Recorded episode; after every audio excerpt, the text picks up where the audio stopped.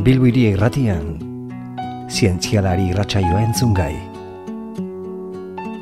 Universial País Basko Euskal Herriko Unibertsitateko Kultura Zientifikoko Katedrak eta zenbat gara elkarteak elkarlanean prestaturik. Zientzia gizarteratu eta haren balio historia eta lorpen nagusiak edatzeko. Izarren hautsa egun batean, bilakatu zen bizigai. Geologian lizentziatua eta doktoratua da Luis Agirre Zabala. Egun UPV EHUko estratigrafia eta paleontologia zaileko irakaslea eta ikertzailea dugu bera. Sortuz ta sortuz gure aukera. Azken amarkadetan gero eta informazio zehatzagoa jasotzen ari gara itxaspeko mundu oraindik ez ezagun samar horretaz, guretzat ez ezaguna. Aurrerapenen artean, esan dezagun kasurako, ba, azken aspaldion iturri ugari aurkitu direla itxaspean. Eta hien aurkikuntzak ageri-agerian utzi duela lurpeko gaz eta fluidoen artean eta egozeanoetako uraren artean badirela eraginak eta baita trokaketak ere. Izan ere, itxaspe eskerga horretan, badira iturri hotzak zein beroak eta batzuek eta besteek ezaugarri ezberdinak dituzte. Hain zuzen ere, saio honetan duela eun milioi urteko itxaspeko iturrien berri emango digu Luis Agerrezabala ikertzaileak. Bueno, orain dela duela eun milioi urtekoak eta gaur egungoak ere deskribatuko dizkigu Luis Agerrezabalak. Gure artean daukagu dagoeneko txintxo, txintxo etorrita, eta dena kontatzeko prest. Luis, e, kaixo eta mila esker gurera urbiltzeagatik. Kaixo, eta zuei mila esker. Arako gai interesgarri bat, guretzat benetan ez ezaguna, barkatuko dizkiguzu galderak, behar bat ez dia oso egokiak, baina saiatuko gara, imaginatzen itxaspeko mundu hori, gaur egungoa, eta duela eun milioi urtekoa. Konforme? Primeran, ez, bai. Venga, ba, lehenengo, lehenengo galdera derrigorrezkoa da. Ez errez dakigunok pensatzen dugu, ba, lurra osatzen duten geruza hoiek irazgaitzak direla, ez dagola aldaketarik, ez dagola inolako alternantziarik batetik bestera, baina ez da hola, iturriak egon badaudeta. Noiz, nola zergatik sortzen dira iturri horiek, Luis? Bai, e, iturriak sortzen dira, e, azken batean, e, lurpetik e, itxasora, itxasondora fluido bat irtetzen denean. Fluido hori e, asko, batzutan e, izaten da e, ur, ur normala, ur geza, ez? Eta nola, nola daukagu iturri ba, lehorraldean aurki dezakegun ba, edozein iturri bezalako iturri bat, baino itxasondoan e, gertatzen dena e, ur gezez osatua. Baino hainbat eta hainbat kasuetan e, gertatzen diren iturri, iturrietan, e, hain zuzen, e, komposatu kimiko ezberdinez osatutako e, fluidoak dira kanporatzen direnak eta itxasondora jariotzen direnak.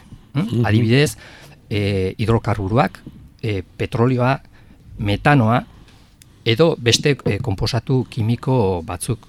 Mm. Nola agertu egiten dira. Agertu, azaleratu, itxasondora atera lurpetik. Bai. Hmm. Beraz, esan dezakegu, utxe egiteko beldurri gabe, e, iz, nola baita itxaspeko, itxas ondori, ez dela iraga, irazgaitza, inola ere. Inola ere. Eta badirela aldaketak, trukaketak, e, bai. fluidoak, e, jariapenak. E...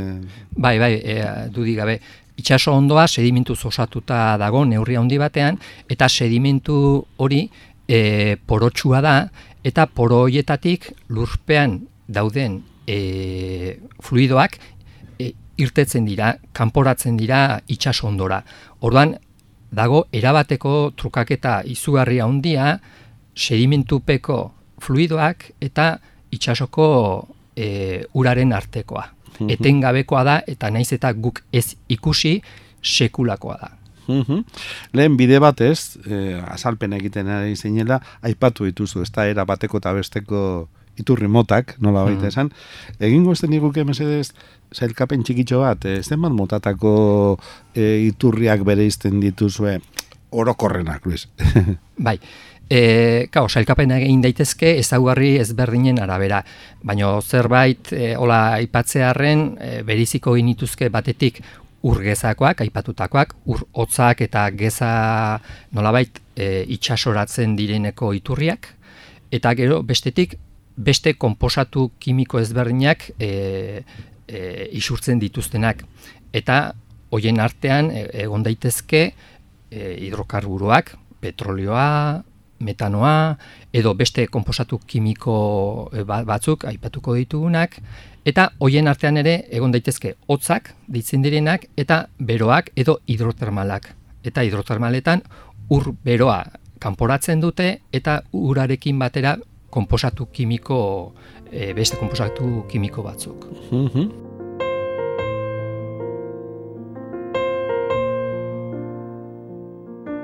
E, zuk zeuk espezialitatea daukazu duela eun milioi urteko iturrietan, nola baita esan. Nolakoak ziren, e, konparagarriak dira ordukoak eta egungoak berdinak dira, badago desberdintasunik, berezitasunik? Bai, bueno, e, gaur egun esan dugun bezala mota askotako itxaspeko iturria daude eta horietako batzuk dira ba, ur e, hidrotermalak e, kanporatzen dituztenak eta e, hidrokarburuak ere dituztenak. Mm? Ba, hoietakoa dira hain zuzen, orain dela eun milioi urte, e, hemen gure inguru honetan nolabait, e, eratu ziren itxaspeko iturriak, eta esandakoa ur hidrotermalez osatutakoak, eta aldiberan zeukaten, hidro, zeuskaten hidrokarburuak, eta nagusiki metanoa eta e, petrolioa. Mhm. Eta hori orain dela eun milioi urteko itxaspean e, gertatzen edo aktiboak ziren iturriak izango lirateke. Mhm. Kasu honetan ere bide batez aipatu dituzu, ezta? Batzuk eta besteak bereizteko orduan aipatu dituzu nolabait eh, ezaugarri batzuk, baina orain zehaztu pixka bat gehiago nahi baduzu Luis. Nolakoak dira eh, hidrokarburu eh, hidrokarburo iturri eh, hotzak? Bai, hidrokarburozko iturri hotzak dira, ba, izenak bera dioen bezala, temperatura normalekoak, hotzak edo deitzen direnak, baino e, uretan disolbatuta edo e, bereizita e, hidrokarburo asko e, dauzkatenak, aberatsak hidrokarburoetan. Izan daitekena, generalean izaten da metanoa, metanoa da hidrokarburo bat, baino gas forma daukana, eta baitare izan daiteke e, petrolio duna. Mm? Orduan, e, bi kasuak, bi kasutako iturriak agertzen dira gure arroka hoietan, bere, bueno, iturriak agertzen dira, ez, beraien aztarnak Mhm. erregistro, erre- erregistratutako iturria dira agertzen direnak. Mhm. Ederki. E, eta orain egizu gauza bera e, termalekin. E, Bai, e, ko, ados, gertatzena, e, hemen azaltzen diren iturri gehienak hidrotermalak dira ere bai. Osea, em, e, hidrokarburoak, e, hidro- hidrokarburoetan aberatsak izateaz gain, ura etzan hotza baizik beroa. Ez Aha. oso oso beroa ez, baino e, nolabait, ba, hogeita mar, irurogei gradu zintigrado inguruko temperatura eukiko zuten garai hartan, eta e, e, bueno, jariotzen ziren i- itsasondoan eta zergatik beroak. Ba, hain zuzen, e, momentu horietan lurpean magma e, sartzen, txertatzen ari zelako itxaspeko sedimentu horietan. aha. Magma hori oso beroa da. Ba, mila eun, mila berreun gradu zintigradotan da, bueno, magma da funditutako arrokak nola bai. Baina Bai. oso oso bero daudenez, horregatik funditzen dira, eta inguruan dauden bai sedimentuak, eta bai sedimentu, sedimentuen barruan dauden urak berotu egiten dira, eta gorantza jotzen dute, dentsitate txikiagoa dutelako, eta horregatik azaleratu egiten dira, edo itsasondora iristen dira. Mhm. Eta gertatzen dena da horrekin batera ere sedimentuak e, berotzerakoan, sedimentu horiek dauzkate e, partikula organikoak, mm? Izaki bizigunen zatitxoak izan daitezke, edo landare zatiak, edo plantonen e, eskeletoak, azken batean e, Askatu gor- bezala egiten dira. gorputz organikoak dira, eta materia organiko hori bero horrekin egiten da nolabait e, hidrokarburoa bilakatu. Mhm. Bai petrolioa, bai metanoa. Hori da azken batean petrolio eta, eta metanoaren e, e, sorrera edo eraketa prozesua.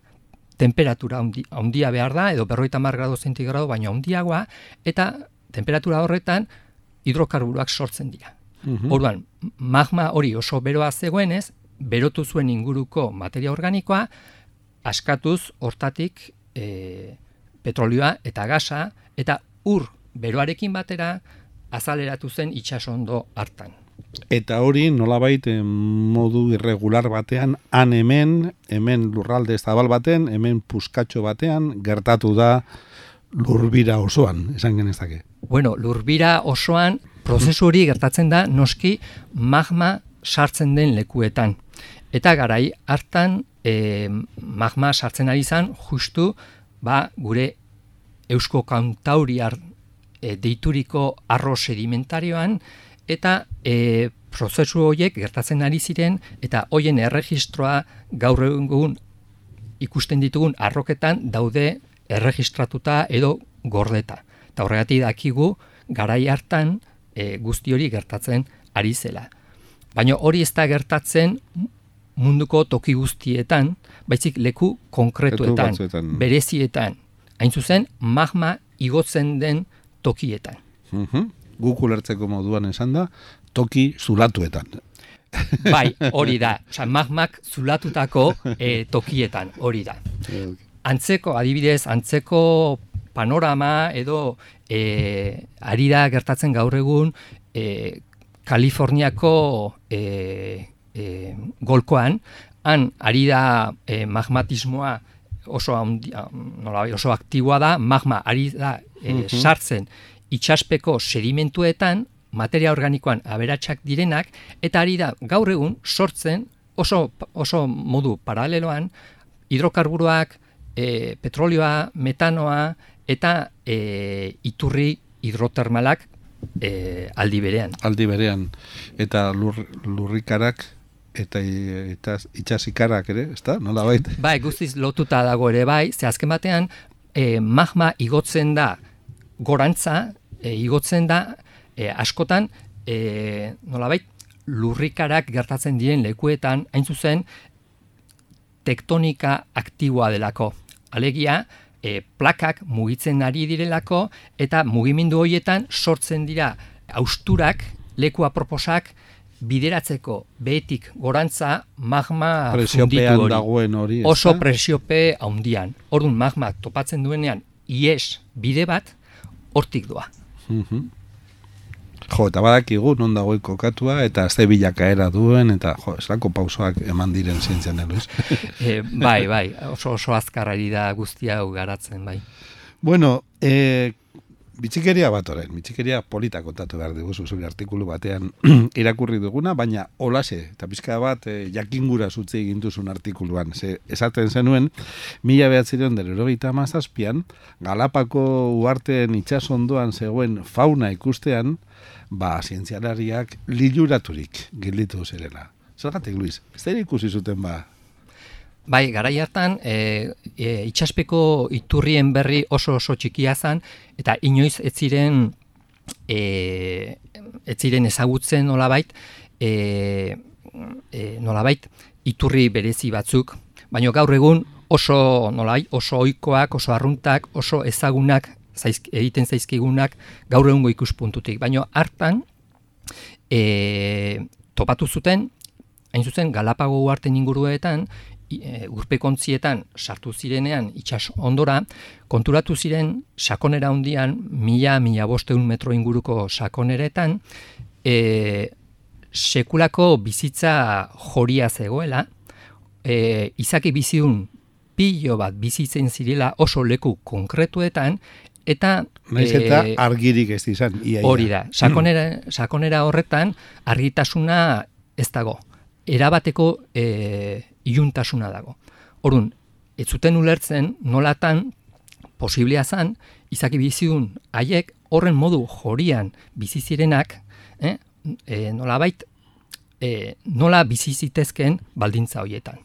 Ez zuten ulertzen harrituta gelatu ziren zintzilariak eta gero konturatu ziren e, haiek garatzen zirela hain zuzen bertan zeuden e, itxaspeko iturri esker.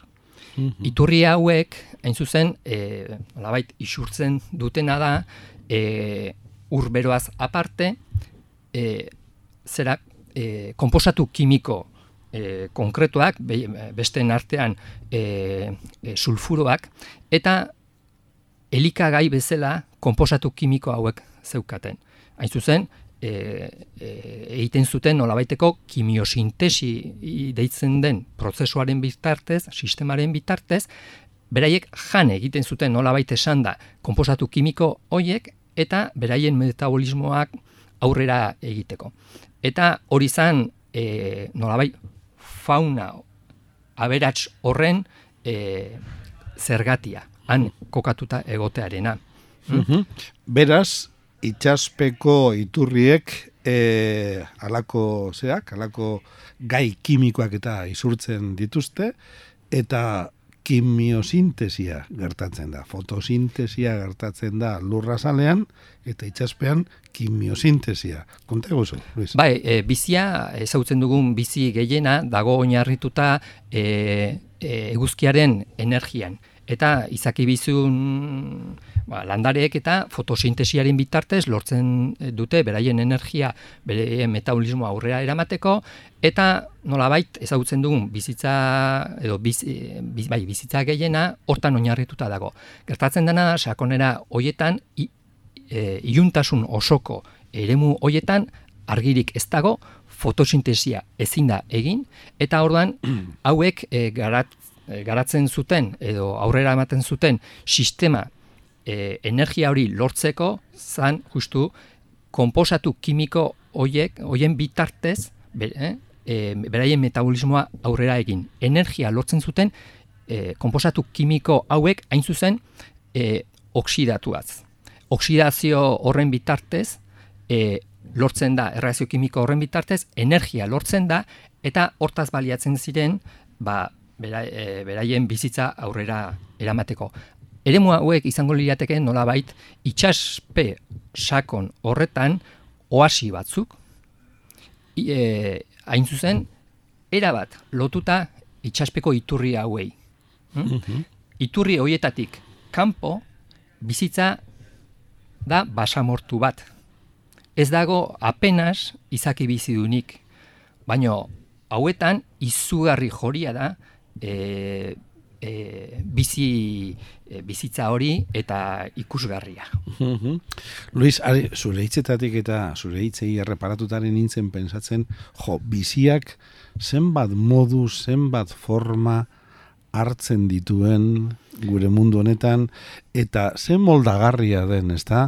Baita are eremu gaitzenetan ere, zailenetan ere, bizia kapasa da aurrera egiteko, ez da, Luis? Ba, ikaragarria da, bizitzak dauzkan erak aurrera egiteko.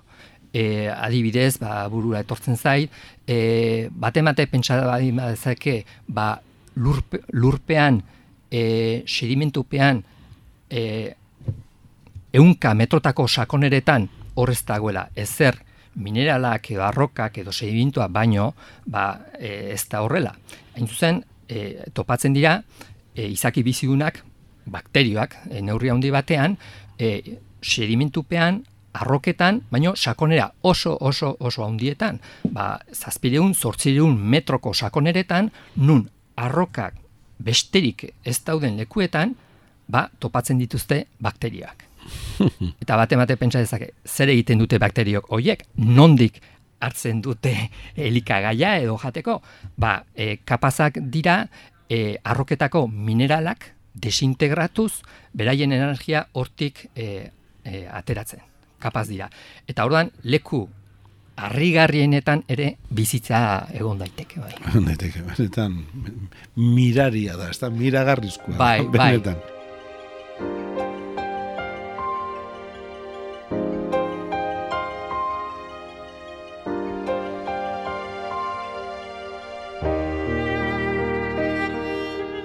Luis, ari zara denbora guztian, orain dela, eun milioi urteko iturriak, gaur egungoak, seguru nago zure ikerketetan konparatu ere egin dituzula, ezta? Batzuk eta besteak. Bai, bai, hori da geologoen e, zera oinarritako bat, beti da e, nolabait konparatzea gaur egun gertatzen diren prozesu eta e, eta e, dinamikarekin. Alegia, guk geologo bezala arroketan batez ere idatzita dauden edo erregistratuta dauden e, kontuak, e, gertakariak, e, prozesuak aztertzen ditugu, bai? Baina gero hoiek interpretatzeko in, e, oinarritzen gara neurri handi handi batean gaur egun gertatzen ari diren prozesu e, hoietan. Hm?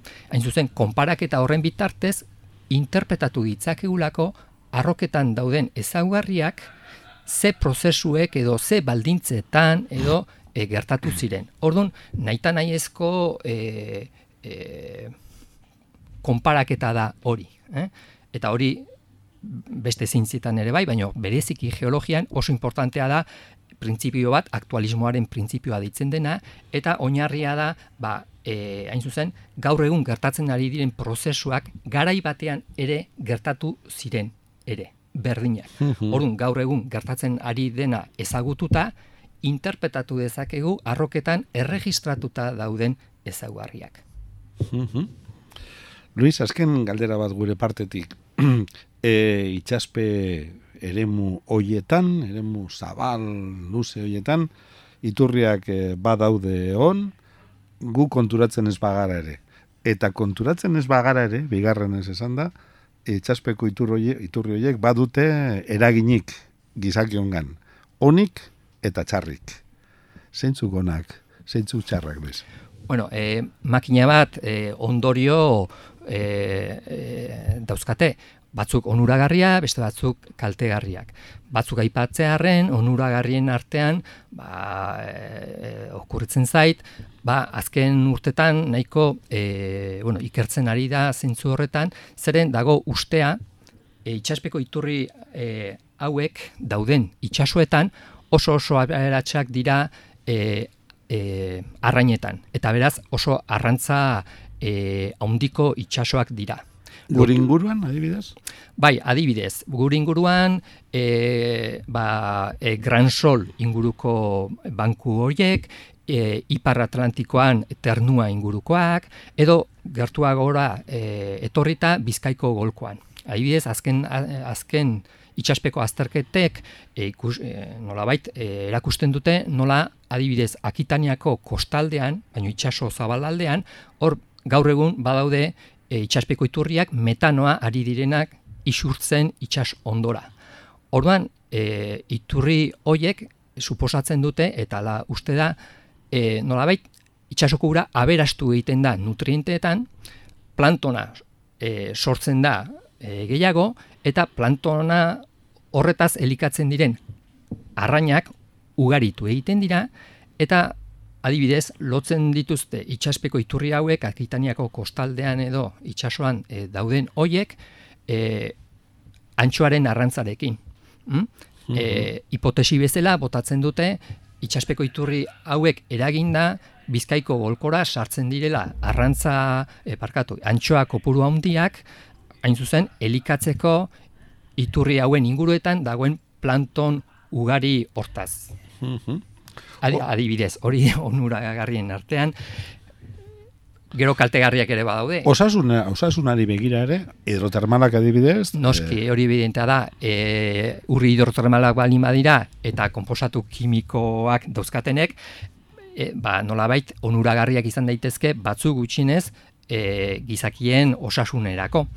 Eta badaude, bainuetxeak, adibidez, edo kostaldetan, edo lehorraldean ere bai, eta uh famatutako bat izan daiteke adibidez Islandian dagoen jaizarrak, ez da? Jaizarrak edo Blue Lagoon izeneko hango e, laku modukoa urberoz eta e, konposatu kimiko bereziz osatutako iturriak, ez? Eta tipikoa da area joatea jendea, ba, bainu etxe bezala, ba, e, osasunerako oso onuragarria direlako angurak, ez?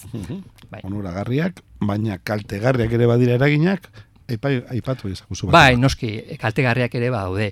e, batzuk aipatzearen, adibidez, e, e, lurpean e, olako hidrokarburuak, gasak edo petrolioa edo pilatzen denean, e, presio handipean egon daitezke zeren e, gasak eta okupatzen du volumen handia eta e, lurpean balima daude eta gaineko arrokek ez balima daukate gaitasuna e, eusteko presio handi e, hori gerta daiteke bapatean eta lerketa baten bitartez gas guzti horrek e, nolabait ies egitea gaineko arroka guztiak e, nolabait e, e, hautsita, hautsita eta goratuak, ez? Esan behar duen aireratuta, baino ez kasu honetan urpean egon baino dana e, lertuz. Hm? Orduan, horrelako lerketan gertatzen direnean, gainean harrapatzen duen edozein, haibiz, gizakik eragindako edo eraikitako egiturak, ba, bertan bera gera daitezke, suntsituak izan daitezke. Adibidez, itxaso zabalean dauden petrolio plataformak, horrelako kasuak izan dira, hildakoak ere bai, ze erabat suntsituak izan dira, edo harrapatzen bali madu e, e, itxasuntziren bat justu lerketa horren inguruan, gas ies haundi hoiek eragin dezakete e, zeraren e, itxasuntzien flotagarritasuna, osea flotatzeko gaitasuna, izugarri galtzea eta ondoratzea bapatean. Olakoak burbuila moduko zulo batean, ezta? Bai, bai, e, gas masa izugarri handiak bapatean e, e, itxasoratzen balimadia, burbuil erraldoi hoiek igotzen dira itxas e, azalera, eta harrapatu ezkero hor itxasuntziren bat, itxasuntzi hori, e, noski, gas gainean ezin da eutxi, orduan ondoratu egiten da bapatean, eta olakoak gertatu dira, eta hainbat eta hainbat hildako ere bai. Batira bala unok, entzun duzue. Itxaspeko iturrien ezagutza handitu dugu, saio honetan Luis Agerre Zabalari esker benetan didaktikoki azaldu digu, zer diren, nolakoak diren, hotzak, beroak, itotermalak, irokarburozkoak, denetarikoak, duela eun milioi urtekoak, gaur egungoak, urrunekoak eta gertukoak ere deskribatu dizkigu, eta orain, konturatzen ez baginen, eh? orain konturatzen gara, ba benetan e, pasiboki bada ere, ba, onurak eta kalteak eh, dituztela gu, gu, guregan, gizakiongan. Luis, benetan gustora egon gara, eskerrak ematen dizkizugu, eta gonbidapena ere lusatzen dizugu, beste noiz baita etorri nahi bazeru, ba, gauza, alako gauza ederrak kontatzen segidezazuna. Ez arte. Universidad País Vasco Euskal Herriko Unibertsitateko Kultura Zientifikoko Katedrak eta zenbat gara elkarteak elkarlanean prestaturik. thank you